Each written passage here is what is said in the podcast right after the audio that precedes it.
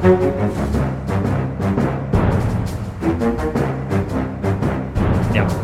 Da setter vi i gang med en ny episode Aftenpodden USA. Kristina Pletten, du skulle vært i USA, men du er fortsatt i klesskapet i Oslo. Det er jo en litt sånn bummer. Eh, dessverre. Vi, vi, annonserte jo i forrige episode at, at nå vi på, skulle vi på roadtrip og hele pakka, men mm. ting vil seg ikke alltid sånn som man har planlagt. Nei, eh, det ble rett og slett stanset av en eh, liten forkjølelse, men eh, forhåpentligvis så er den nå på retur. Så nå sitter jeg her i skapet med kopp med solbærsaft og eh, et svært skjerf, og satser på at det gjør susen. Ja, vi får håpe at turen er on i løpet av et par dager, eh, og at du er her borte og vi kan sette oss i, i bilen. nå som Jeg leier, jeg leier en svær pickup truck faktisk også, så jeg gleder mm. meg nå. Så vi, må, vi skal gjøre dette the American way. Men jeg er også da Øystein Langberg, USA-korrespondent, og du er selvfølgelig da kommentator, eh, hvis jeg får få med det, hva tittelen din er, Kristina Pletten. Ja. Det nærmer seg jo valg med stormskritt nå, og i dag skal vi snakke litt om, eh, om en ganske sånn stygg valgkampinnspurt. Skikkelig grisete. Vi skal snakke litt mm. om krangelen om meningsmålinger, hvilke målinger man kan stole på, hvilke målinger man ikke kan stole på. Og så må vi snakke litt om eh, demokratene, og hva som gir dem et lite snev av håp her på slutten. Blant annet har de jo børstet støvet av en gammel, gammel helt. Ikke så gammel. Første... Nei, men, nei, han er jo ung i forhold til de fleste andre, men ja. Eh, han er i hvert fall en helt. en helt, ja. ja.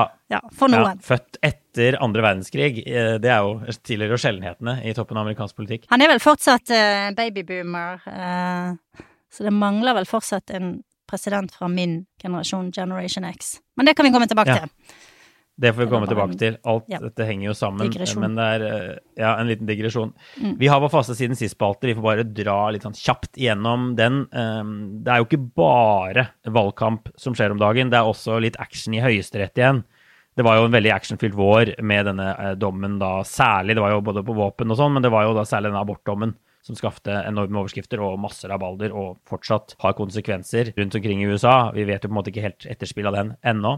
Men nå ser det ut til å være klar for å komme en ny banebrytende dom, disse, disse dommerne. Og det handler denne gangen om kvotering av minoritetsgrupper inn i høyere utdanning. Mm. Eh, og mer sånn konkret om altså, hvorvidt rase eller etnisitet kan brukes som et parameter, et av flere da, parametere til til opptak. Og de som forsvarer denne typen regler, de finnes på mange steder i dag.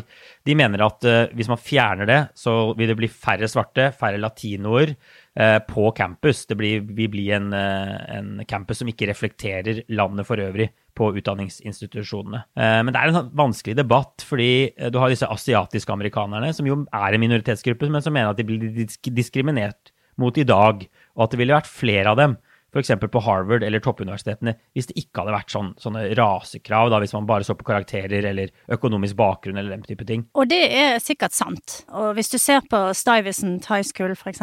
I, i New York, den beste high schoolen i New York som også er offentlig, eh, mm. så er det utrolig mye eh, elever av asiatisk herkomst. Eh, og det er jo fordi at den eh, ikke har noe kvoteringssystem, men, uh, men mm. bare favoriserer de med best karakterer og sånn, da. Men de asiatiske college-elevene sier jo også at de blir diskriminert mot av hele systemet med, med inntak, da, på universitetene, mm. som som for eksempel også legger vekt på sånne ting som personlige egenskaper, eh, såkalt sånn extracurricular activities, altså om du er med i liksom noe veldedighet eller et eller annet sånt. Og så er det disse her legacy studentene, altså der foreldrene har gått på Harvard eller Yale, som blir Så det er, det er, det er veldig mange forskjellige variabler som spiller inn her, da, på hvem som kommer inn, ja. inn og hvem som ikke kommer inn. Men, men jeg tror at det er helt riktig at hvis det hadde vært bare på karakterer og poengsystem, sånn som for så vidt er i Norge, da, mm. så tror jeg at alle de beste universitetene hadde vært ganske fulle av folk med, med kinesisk, indisk, eh, andre typer asiatisk eh, etnisitet, da. For de ligger liksom ja. klart først, eh, øverst, når det gjelder karakterer og, og hva de presterer på ja. skolen. Og vi har jo hatt noe kvotering i Norge med, med sånne kjønnspoeng og sånn, selvfølgelig. Det har jo finnes noen ja, systemer. Men, men, det blir interessant. Og det som skiller denne saken litt fra den abortsaken, er at, at, folk i større grad nok er på de konservative dommernes side her. Det viser i hvert fall meningsmålinger. Sånn, det er ikke så veldig populært med sånn, med sånn rasebaserte opptakskrav, og, og høyresiden fremstiller det som at det er rasistisk, det også, ikke sant, å se på hudfarge og den type ting. Så det er, mm. det er litt mer komplisert debatt her, hvor, hvor dommerne fort vekk har folket litt mer i ryggen. da. Det blir jo helt sikkert Eh, dommen kommer ikke ennå, den kommer til våren. Den er ventet igjen da i, i juni, men det var nå en, en høring da i Høyesterett her om dagen hvor man da fikk signaler om at mange, mange dommere er klare for å kvitte seg med dette, og kunne bruke sånne rasekrav. Da. De, de stilte jo bl.a. spørsmål sånn når skal man fjerne det? Er det, er det et krav, altså er det et håp om å få bli kvitt dette rasekravet en dag? Er hvor på en måte ting er såpass fair at man ikke trenger det lenger? Hvis det ikke er det, så mener de at, ja, at det er problematisk da, på en eller annen måte det er jo egentlig en del av en større debatt. Det er litt sånn hønen eller egget-debatt, ikke sant, der eh, de som er for det, sier at ok, du må først ha eh, Du må først gi folk en utdanning, gi grupper en mulighet til å komme seg opp, og så kan de da etter hvert ja, få barn og etablere seg og påvirke Eh, utviklingen, sånn at man, det ikke trengs lenger. Eh, mm. Men det har jo i liten grad skjedd, da. Det har skjedd til en viss grad, men det er litt vanskelig å skulle se for seg at det skal bare være sånn til evig tid også, ikke sant. Og så er det noe med at um, dette her er jo en del av et større en systemisk svakhet i USA, der det er enkelte etniske grupper som bare ikke klarer å komme seg opp i det hele tatt.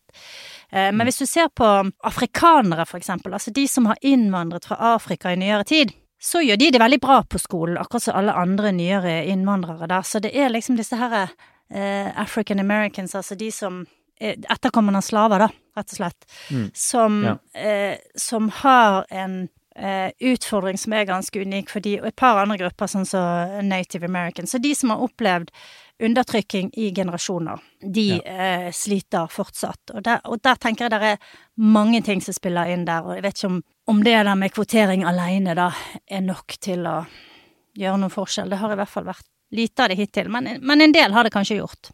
Jeg er litt usikker ja. på hva jeg skal mene om det. ja, det er det nok ganske mange som er, og det blir nok en skikkelig debatt det neste halvåret om akkurat dette med kvotering eh, og rase på høyere utdanning i USA. Så vi får bare mm. følge, følge, den saken videre. Det, det har vært en annen stor sak denne siste uka, og det er jo at Elon Musk eh, mange, mange mange milliardær, har tatt over Twitter etter mye om og men. Vi laget en episode i vår om den fascinerende historien til, til, Musk.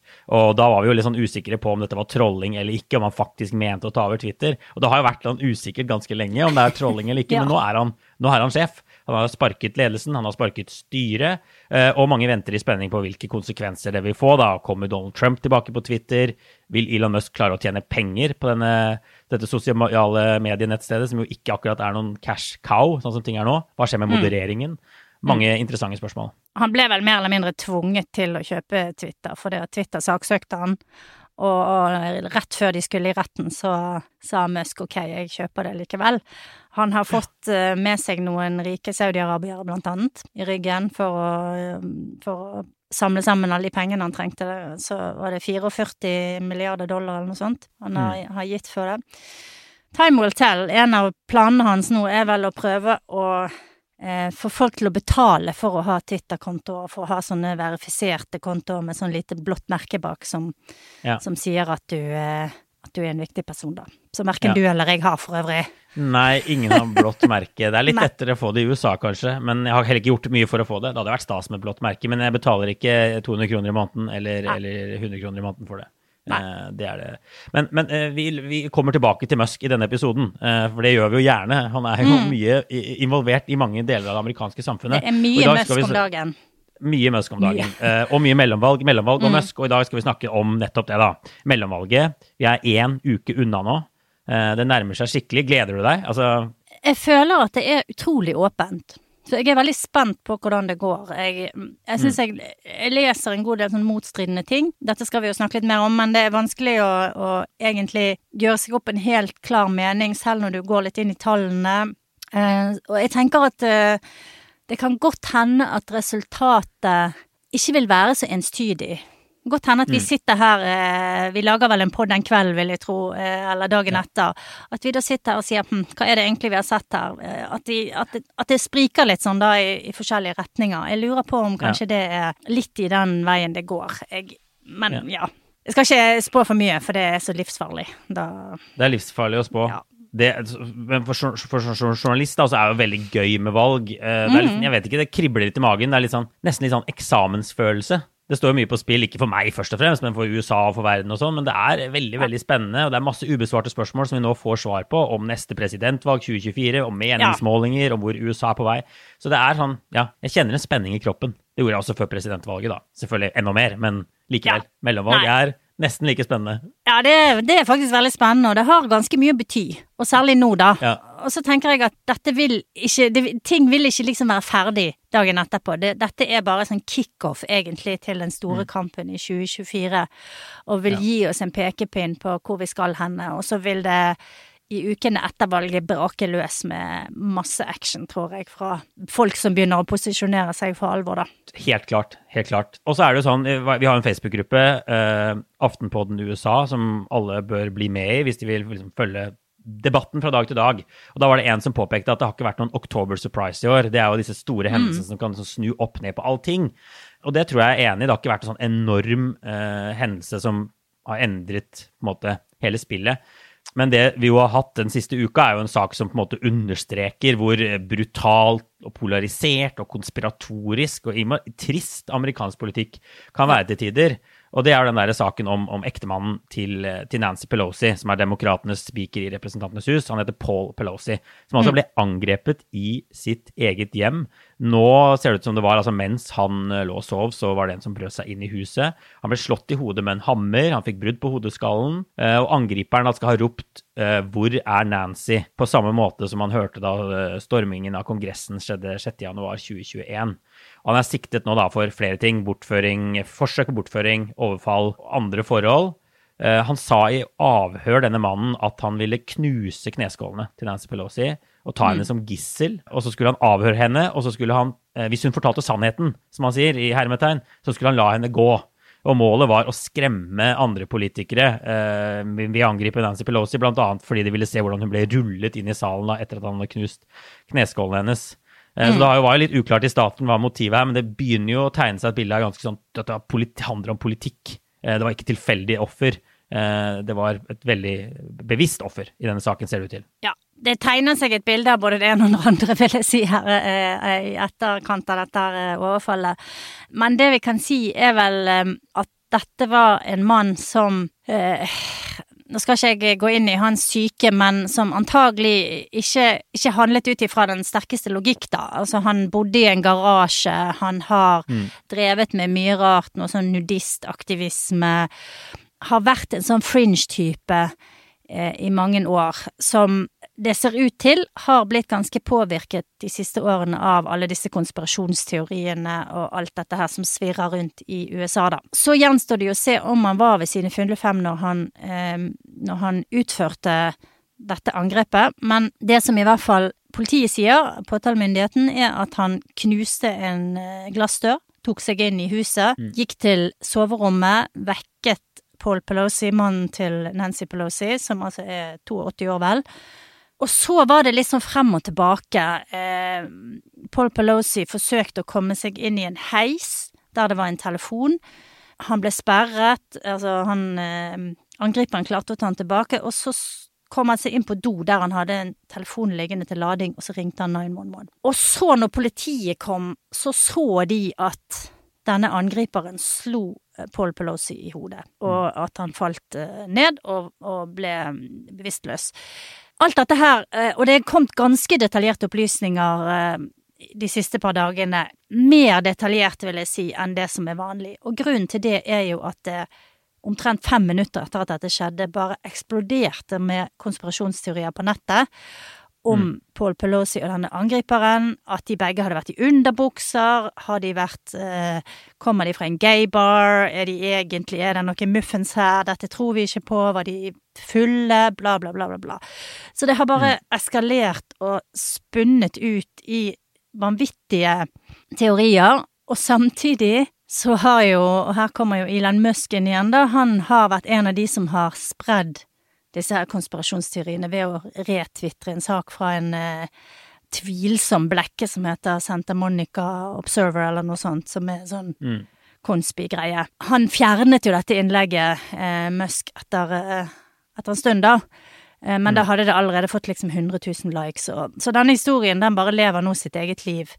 Og flere eh, republikanske politikere har kastet seg på og, og, egentlig spøker med det. Og, og, samtidig så har du også en 82 år gammel mann som har måttet ha eh, brain surgery, liksom. For, ja. ja. Så det, det, er bare en helt Som fortsatt ligger på sykehus. Som fortsatt, fortsatt ligger på sykehus. Det er bare en trist og fæl historie, syns jeg. På alle måter. Ja. Ja, helt, helt, enig. helt enig. Det er jo, altså den Konspirasjonsteorien er jo blant annet det handler jo, Vi skal ikke gå så dypt inn i det, men det er jo sånn, de kaller det nå gay lover theory. da. Mm. Ja, om at han har plukket opp en mann på byen eh, og hadde med han i seg hjem og sånn. Og, og, politiet har vært supertydelige nå på at de kjente hverandre. De, ja, ikke, de har ikke møtt hverandre før, men Nei. det var noe sånn at han hadde sagt 'friend' på telefonen da han prøvde å liksom eh, både snakke med politiet og få han angriperen til å ikke, ikke gå amok. Ja. Så brukte han sånne koder, og så har de plukket opp sånne ting. Dette er jo sånn som skjer i USA. Og så er det ekstremt mye jobb å tilbakevise disse konspirasjonene, da. særlig når noen av de med flest følgere i verden på Twitter eh, sprer de. Så vi ser det på én siden, konspirasjonen som sprer seg. Jeg er helt sikker på at når vi reiser ut på velgermøter i Georgia nå, mm. så vil vi høre folk som sier ja, eh, dette er en konspirasjon, og dette er for å underminere valget, og han er homofil, og han hadde elsker, og de kjente hverandre og sånn. Det er mm. allerede ute der, helt sikkert blant veldig mange. Men mm. du har også den latterliggjøringen, som du sier. Eh, Donald Trump jr. som twitterer, retwitterer et bilde av en, en, en, truse og en hammer og skriver liksom da er halloween-kostymet klart. Rett ja. på sånn trolling og tulling. Eh, ja. Eh, Charlie Kirk, en sånn stor talkshow-host, som skriver at eh, liksom den som får betalt kausjon og får denne mannen ut av fengsel, kommer til å bli en helt i mellomvalget, skriver han. Ja. Så det er på en måte Ja. I, I, veldig mange andre land så ville det jo vært en sånn hvis, hvis kona eller mannen til stortingspresidenten i Norge hadde blitt angrepet hjemme, så ville det vært en, en stor nasjonal selvransakelse og debatt om hvordan kan vi styrke sikkerheten, hvordan kan vi endre eh, ja, den politiske tonen. Men det er jo på en måte helt, helt borte i USA. Det er rett på konspi. Ja, og andre, det andre sporet de konservative har fulgt, er jo å å liksom sette det inn i en kontekst som handler om kriminalitet i videre forstand. Mm. Og sagt at mm. ja, dette er sånn som skjer når det er så mange hjemløse i California, og det er så mye kriminalitet i store byer, og da får du sånne utslag som dette her.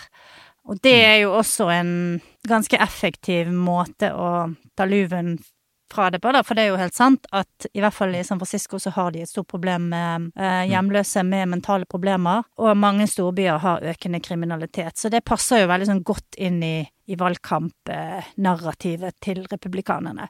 Samtidig så tenker jeg jo at det kan slå litt tilbake på de dette her, da.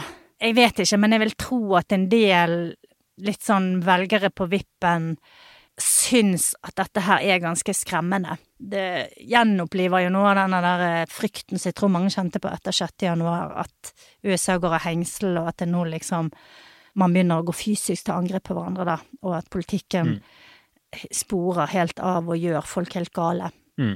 Og du sa han angriperen har vært inne i skikkelig sånn høyresidekonsp i det siste, eh, de siste året i hvert fall. Altså, han har jo vært innom mye rart, men nå har det handlet om valget som ble stjålet.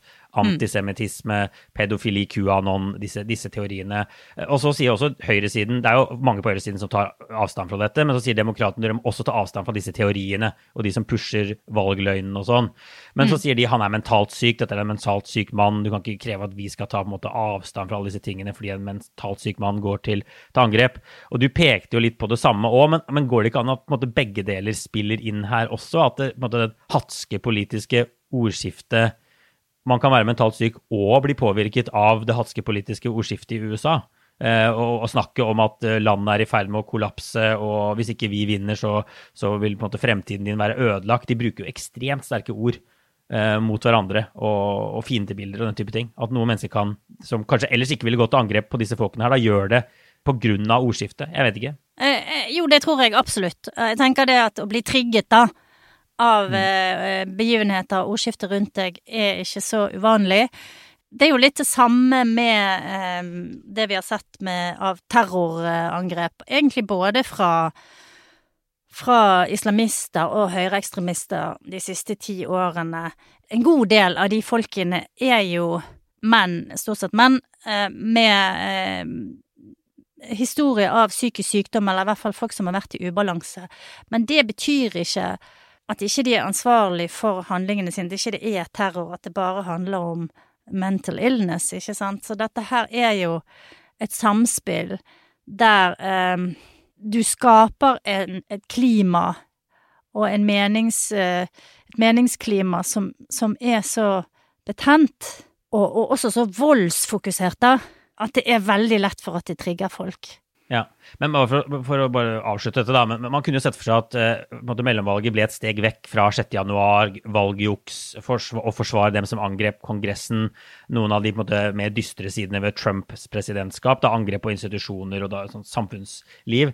Men, men, det har jo ikke måte blitt det. Man føler at det politiske ordskiftet er omtrent like hatefullt som før. Eh, og at de menneskene, i hvert fall eh, i ganske stor grad, som, som fortsatt påstår at Trump vant valget i 2020, og som ikke vil si om de vil erkjenne et nederlag nå, de ser ikke ut til å betale en sånn veldig høy pris for det heller. Eller det er sånn blandet. Doug Mastriano er sånn guvernørkandidat i Pennsylvania. Han gjør det ikke spesielt godt på målingene. Han deltok på stormingen av Kongressen, eller han, han var i hvert fall med på den eh, demonstrasjonen foran Det hvite hus. Eh, mm. Rally til Trump. Eh, og så har du Carrie Lake, som vi har snakket om, guvernørkandidat i Arizona, som ser ut til å gjøre det ganske bra, selv om hun jo forfekter mange av disse gamle ideene. Så jeg, Det er liksom vanskelig å trekke noen konklusjon, men det er i hvert fall veldig veldig få f.eks. republikanere som stiller til valg i år, som sier fullt og helt som sier offentlig Biden vant valget. Det er noe sånn 14% eller noe. Mm. Eh, jeg regna litt på det når man ser på de liksom viktigste republikanske stillingene.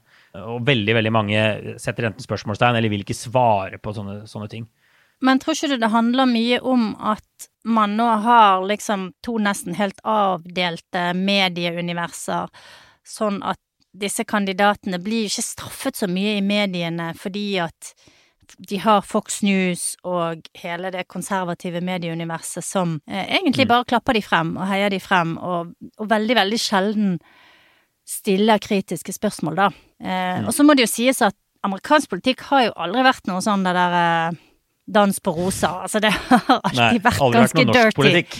Nei, det har vært dirty, og det har vært til dels voldelig.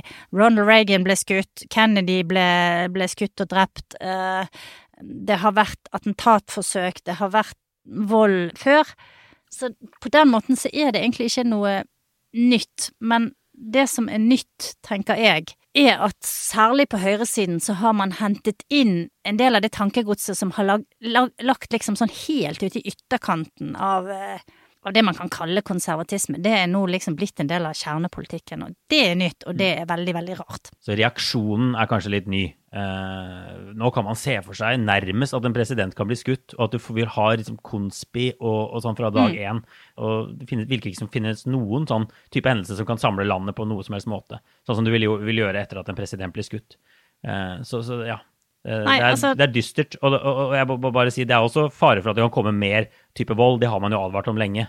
Det er nesten på en måte utrolig i hermetegn at det ikke er mer uh, vold og eksempler på politikere som blir drept i USA, sånn som ting er nå. Uh, og så mm. mye våpen som finnes, og så mye konspirasjoner og, og, sinte folk som finnes. Men altså, USA er jo et samfunn som er bygget på veldig mye vold. Det har alltid vært uh, en del av hverdagen, eller ikke alltid, men veldig mange steder da, så har vold og våpen vært en del av hverdagen, eller en del av liksom trusselen som henger over hodet på folk. Så, så det er et veldig annerledes samfunn på den måten enn um, en det norske, og enn de fleste europeiske, vil jeg påstå, i at folk har en mye høyere terskel for vold, og det er mye nærmere folk sitt hverdagsliv. Jeg mm. leste akkurat i morges en, eh, bare en liten sak egentlig fra Chicago om at 14 mennesker var blitt skutt i en sånn drive-by-shooting. Det sto nærmest som en sånn notis der, sant, og blant de så var det en tre år gammel eh, gutt. Og det var bare en sånn Sånn skjer hele tiden i veldig mange store amerikanske byer.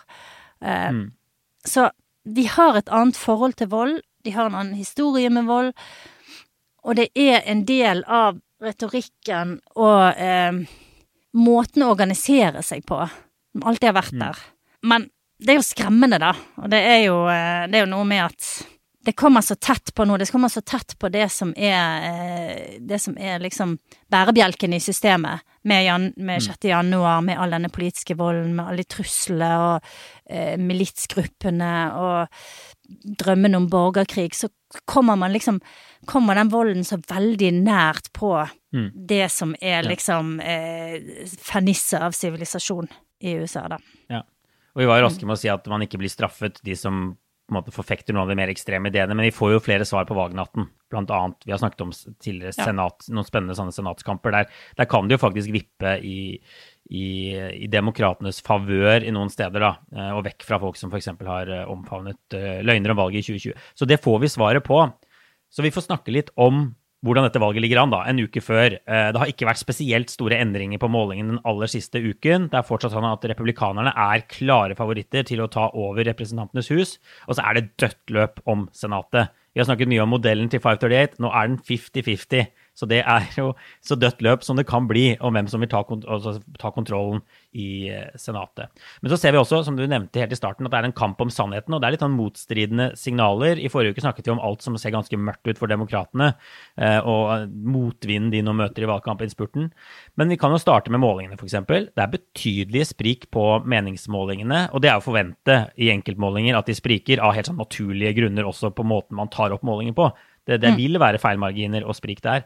Men når man ser på f.eks. gjennomsnittet av målingene, som jo regnes som en bedre metode, metode, å følge utviklingen på, så er det også ganske mye sprik der mellom ulike aktører og ulike måter å regne sånne snitt på. Og, og du har jo et sted som en nettsted som heter Real Clear Politics. Der eh, leder republikanerne med tre prosentpoeng på, på, denne målingen som kalles generic ballot, hvor du bare spør mm. vil du stemme republikansk eller demokratisk ved kongressvalget. Så 3 prosentpoeng er en ganske sånn romslig og god ledelse for republikanerne. Hos 538 er ledelsen på 0,9 prosentpoeng. Eh, og så har også noe som et, et sånn nettsted som heter Split Ticket, som har fått litt oppmerksomhet eh, den siste uka. Eh, og der er det 0,4 prosentpoengs ledelse til demokratene på snittet av målingene. Og forskjellen på disse er at Split Ticket de har bare med uavhengige meningsmålingsinstitutter, mens eh, Real Clear Politics f.eks. har med masse sånne uh, institutter som også er sånn tungt republikanske, da, på sett og vis. De jobber for republikanske aktører, de fundes av republikanere, og noen mm. av de er sånn åpent Trump-fans på Twitter. Mm. Uh, f.eks. Rasmussen og sånn er kjent. Et annet er Trafalgar, som får mye oppmerksomhet nå.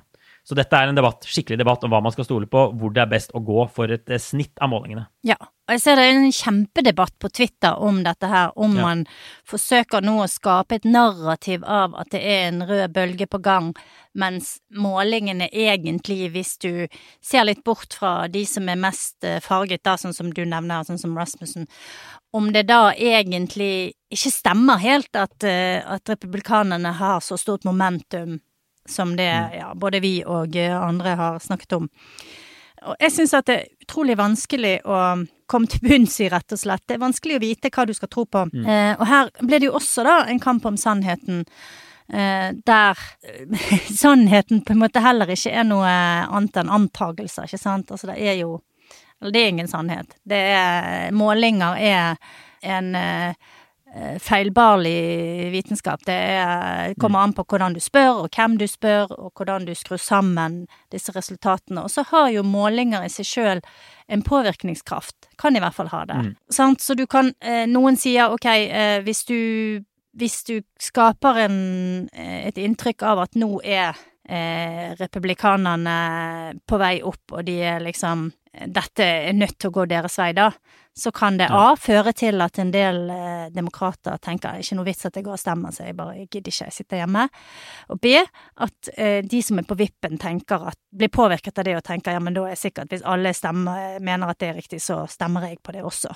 Mm. Så eh, målingene eh, er også en del av, eh, av fortellingen her. Ja, ja. De påvirker, hva mediene, de påvirker hva mediene skriver, hva vi, hva vi velger, og hvor vi velger å dra og sånne ting. Så målingene betyr definitivt mye. Så det er en debatt om hvordan man skal deale med disse Det jo, finnes både på høyresiden og venstresiden, da, men nå har det vært en debatt mest om disse høyresidemålingene. Uh, og det er jo sånn at 538, som mange går til, de forsøker å justere for det her at noen er mer venstrevridde og noen er mer høyrevridde når de lager dette gjennomsnittet. De kaster ut målinger de ikke stoler på, som ikke kan forklare hvordan de kommer fram til resultatene sine. Så vekter de lavere de som bommet mye sist sist. Eh, og det som jo er litt sånn paradoks, er jo f.eks. at Trafalgar, som er ganske sånn som alltid har bedre resultater nesten for republikanerne enn snittet, de gjorde det ikke så verst forrige gang. De har ganske god rating på 538 ved presidentvalget i 2020, for der var det jo mange institutter som bommet ganske mye. Mm. Så, så, så, det er på en måte ikke så sånn De mener jo at de har en metode som tar høyde for at en del Trump-velgere ikke snakker med meningsmålere. Og så vil de ikke si noe særlig om metodene sine. Det er ganske sånn mye hemmelighetskremeri rundt Trafalgar. Og han sjefen deres er definitivt på, måte, på høyresidens lag. Eh, og han kommer med uttalelser som definitivt kan provosere venstresiden. Men det er litt vanskelig å vite òg, så jeg vet jo at de som lager 538-snittet, mener at det er riktig å inkludere, så lenge de kan si noe om metodikken sin, inkludere så mange som mulig. Og at man får et bedre bilde av å se på, å se på alle. Eh, det er et annet eksempel på meningsmålinger som bommet fra 2012, var det vel, når Mitt Romney stilte partiene har jo også noe som de kaller for internal polling, som er meningsmålinger de kjører bare for seg sjøl, eh, for å se hvordan de ligger an, og hvor de bør sette inn penger, og så videre. Og, og eh, i 2012 så trodde jo republikanerne at de skulle gjøre det mye bedre enn det de gjorde, så de lurte på en måte seg sjøl med en litt sånn tendensiøs måte å måle på, da. Så når valgdagen kom, og Obama vant ganske klart, så var det mange konservative, og mange i Fox News, som nektet å tro at det var sant. Og det var en sånn egentlig ganske berømt uh, scene i politisk journalistikk der Megan Kelly, som uh, jo seinere hoppet av Fox News og sånn, men hun, hun sa nei, nå, nå, nå, går jeg ned til de som sitter i tallknuserrommet, liksom, og får dette bekreftet. For hennes liksom medarbeidere i studio, de nektet å, de nektet å innse sannheten. Så kameraet fulgte henne liksom når hun gikk gjennom alle gangene og inn til de som satt og knuste tallene og sa stemmer det at Obama vinner, ja det stemmer, sa de, og så til slutt så godtok de det, journalistene på Fox News også det, da. Men det er jo en litt sånn debatt om hva meningsmålerne, hva som driver og motiverer meningsmålerne her òg, ikke sant. Mm. Eh, den mest positive måten å se det på er at det er et marked, og de vil gjøre det best mulig, og de vil treffe best mulig, for da får de kunder i fremtiden. Mm. Og da har du et insentiv til å treffe på valgdagen. Da får vi jo fasiten faktisk på hvem som treffer og ikke treffer. Ja. Den mer sånn eh, ondskapsfulle måten å se det på er at de er bare betalt av hver sin side, og de skal pushe et narrativ, og de skal f.eks. bidra til et ekkokammer hvor republikanerne tror de vinner, fordi vi leder jo på alle målingene, og så er det mm. juks hvis demokratene vinner likevel. Så det er liksom to måter, ja, to måter å se det på. Men det er altså, vi får fasiten eh, neste tid tirsdag. Og det er jo faktisk sånn at f.eks. i New York er det enorme sprik på målingene. Det er noen målinger som viser at republikanerne kan ta f.eks. guvernøren. Han, republikaneren Lee Selden leder på de. Og så er det målinger hvor demokratene leder med 15 prosentpoeng. Så det her vil jo noen ta feil, og noen treffe. Eh, ja. og, og, svaret får vi eh, om en uke. Ja, eh, jeg tror det blir utrolig spennende. Og det, jeg tror det er sikkert mange i, som jobber i disse meningsmålingsselskapene som er ganske nervøse og har minst like mye sommerfugler i magen som det du har. Hey, I'm Ryan Reynolds. Recently, I asked Mint Mobile's legal team if big wireless companies are allowed to raise prices due to inflation. They said yes. And then when I asked if raising prices technically violates those onerous two-year contracts, they said, "What the f*** are you talking about? You insane Hollywood ass." So to recap, we're cutting the price of Mint Unlimited from $30 a month to just $15 a month. Give it a try at mintmobile.com slash switch. $45 up front for three months plus taxes and fees. Promoting for new customers for limited time. Unlimited more than 40 gigabytes per month. Slows. Full terms at mintmobile.com. Så, så, det er jo, men bare for å ta det, altså, De tingene som kan tale for at ting kan gå litt bedre for demokratene, man kanskje tror, er jo at hvis man kaster ut de, de republikanske målingene, så gjør det det litt bedre på snittet. Det er én ting.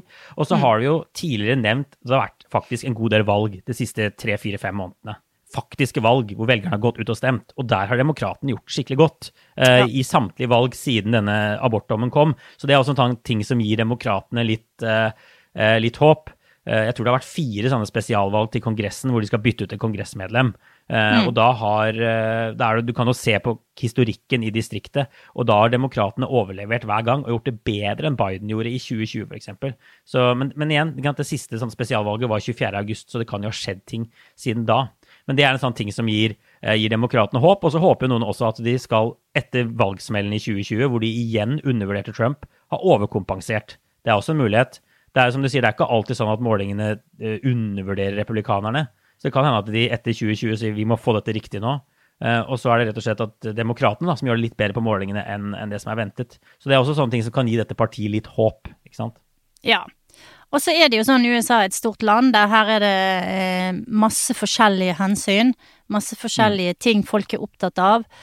Kanskje er det sånn at eh, i Wisconsin eller i Missouri så er det helt andre ting som vil spille inn enn det er i New York, da, eller i California. Så det er på en måte Det er liksom vanskelig å være for generaliserende om det, spesielt i mellomvalg, fordi at du ikke har én sånn, hva heter det, ja. overheng, eh, overstyrende faktor som et presidentvalg er, ja. ikke sant? Ja. Eh, der, der, det blir mer fokus på de aller største tingene. Men, men her kan det være lokale variasjoner som betyr Absolutt. absolutt. Og så har det jo sånn, det har allerede blitt stemt, folk har gått og stemt i mange uker. Noen driver ja og sitter og tolker disse tidlige stemmetallene. Uh, og jeg vil jo si de fleste eksperter sier det beste du kan gjøre, er bare ikke bry deg om de i det hele tatt. Uh, ja. for det er jo sånn at i mange stater så har du registrert om du er republikaner eller demokrat, så de kan se hvor mange republikanere som har gått og stemt, og hvor mange uh, demokrater som har gått og stemt, og så kan de prøve å analysere de. jeg så Politico hadde en sak om at det var litt lav valgdeltakelse blant unge, annet, sammenlignet med tidligere valg, som bekymrer demokratene litt. Mm. Men, men, de fleste ja, det er vanskelig å lese noe sånn veldig tydelig ut av sånne tidlige stemmetall, fordi det som skjer på valgdagen, har jo ekstremt mye å si. F.eks. om hvem som kommer ut og stemmer da. Og det, jo, det vet man jo ikke på forhånd. Mm. Um, men de som setter penger på dette, da, bare sånn til til slutt, det jo, de mener at det er sannsynlig at republikanerne tar både Senatet og Huset. Uh, med oh ja, ganske solid margin. 65 ja. Eh, sannsynlig for at de tar Senatet, sier pengevedderne. Hvis du skal stole på de, så er det mange ting å se på, rett og slett. Men det er ikke lov å vedde om eh, med penger i, i USA på politikk, Nei. så dette her er jo Nei. da pengeveddere som sitter i andre land og Storbritannia og sånne ting. Og de kan også ta feil. De kan også ta feil. Men, men ja. bare for å runde av da med ting som gir demokratene en liten vitamininnsprøytning på slutten her, så er det jo at Barack Obama er tilbake i ordentlig valgkampmodus. Mm. Han har vært på sånn turné i flere stater nå, og nye stater er på trappene. Og vi må bare si at han er en veldig, veldig god person. Altså en veldig god mann til å drive valgkamp. Mm. Eh, det blir bare bekreftet. Han, har, eh, han holder jo taler eh, som bare han kan, og han har fått noen klipp Bl.a. hvor han langer ut mot Ron Johnson, som er en sånn republikansk senatskandidat i Wisconsin, for at han vil kutte pensjonsordninger og helsesystem, helseordninger sånn, for de fattige og de eldre. Han mm. langer ut mot han, og klippet går sånn megaviralt, 12 millioner views på Twitter, og, og, og det, det, fyrer opp den demokratiske basen på en måte som vi nesten aldri ser Biden gjøre, f.eks. Så det er jo et kort de har på hånda, som de velger å spille, og som kanskje kan få noen flere til å gå ut og stemme, jeg vet ikke. Ja, kanskje. Eh, og så er det jo, ser jeg jo ikke Altså, det blir jo Kontrasten mellom han og Biden blir liksom veldig sterk, da. Skarp. Ja. Um, når du ser hvor god eh, Obama er i sånne situasjoner. Så det, da. Han er jo ja.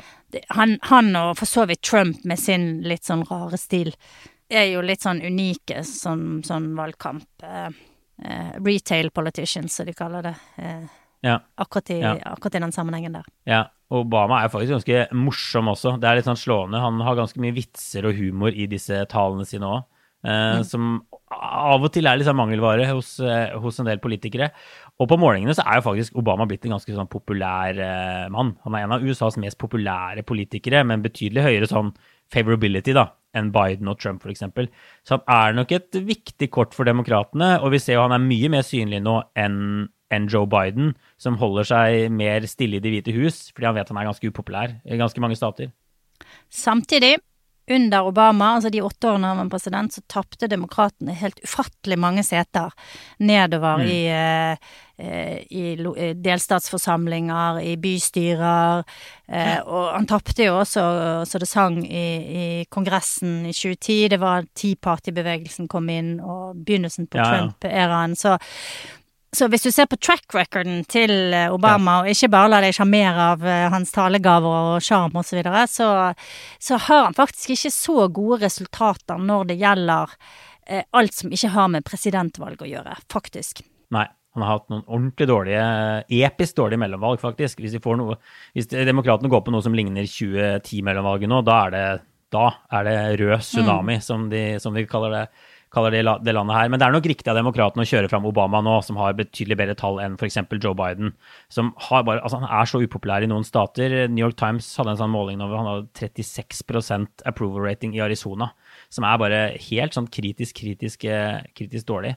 Så det er nok en grunn til at de holder Biden unna en del vippestater. Han skal, til, sånn, han skal jo til noen, men han skal til sånn Maryland og sånn også, sånne tydelige, trygge demokratiske stater. Istedenfor å sende han til Men altså, de, de, skal innom Pennsylvania, han og Obama, på lørdag. Sånn, så de, de, er litt rundt, men, men, det er tydelig at de velger å kjøre fram Obama nå. Eh, men, men bare på republikansk side så er det samme debatten om Donald Trump. Uh, han har jo hatt ganske mange rallies de siste årene, men det har vært ganske stille den siste måneden. Ikke hatt veldig mange, men nå kjører han på den siste uka. Med en god del folkemøter. Og jeg tror egentlig demokratene er ganske happy med å ha Trump tilbake i manesjen. Og få denne valgkampen til å handle litt om Trump igjen, og minne, minne folk om at han er der ute. Det kan jo hende at uh, Trump fortsatt har såpass mye fans og såpass mye mulighet til å motivere velgere, da. At mm. uh, det vil bety noe i en stat som Pennsylvania. Det, det, det, som er interessant med dette valget også, er jo at disse tingene, som du sier, så får man jo et slags sånn fasitsvar med mm. valget om en uke, og da vil jo også både demokraten og republikanerne kunne trekke en del konklusjoner om hva som funket og ikke funket, og hvilke mm. grupper av velgere som har respondert på de forskjellige budskapene eh, de kjører, osv. De har jo hørt litt ja. på oss da, demokratene, og begynt å snakke mer om social security og, og økonomi ja, er, og sånn, som vi har sagt ja. at de burde gjøre i flere uker. Så vi får se om våre råd hjelper de. Det er sant. Og, og, det er jo dette, denne debatten bare til slutt om, om mellomvalget. Det kan godt hende Trump skremmer noen uavhengige velgere, men kanskje han får liksom motivert den republikanske basen igjen ved å holde disse rallyene. Så her kan det være sånn trade-off-effekt også. Men det de frykter litt, er jo at Trump skal Han, han, han skyter jo fra hofta. Uh, og da han sto på scenen i Ohio for litt siden, så sa han jo om JD Vance, han senatskandidaten der Han sa JD is kissing my ass, he wants my support so much.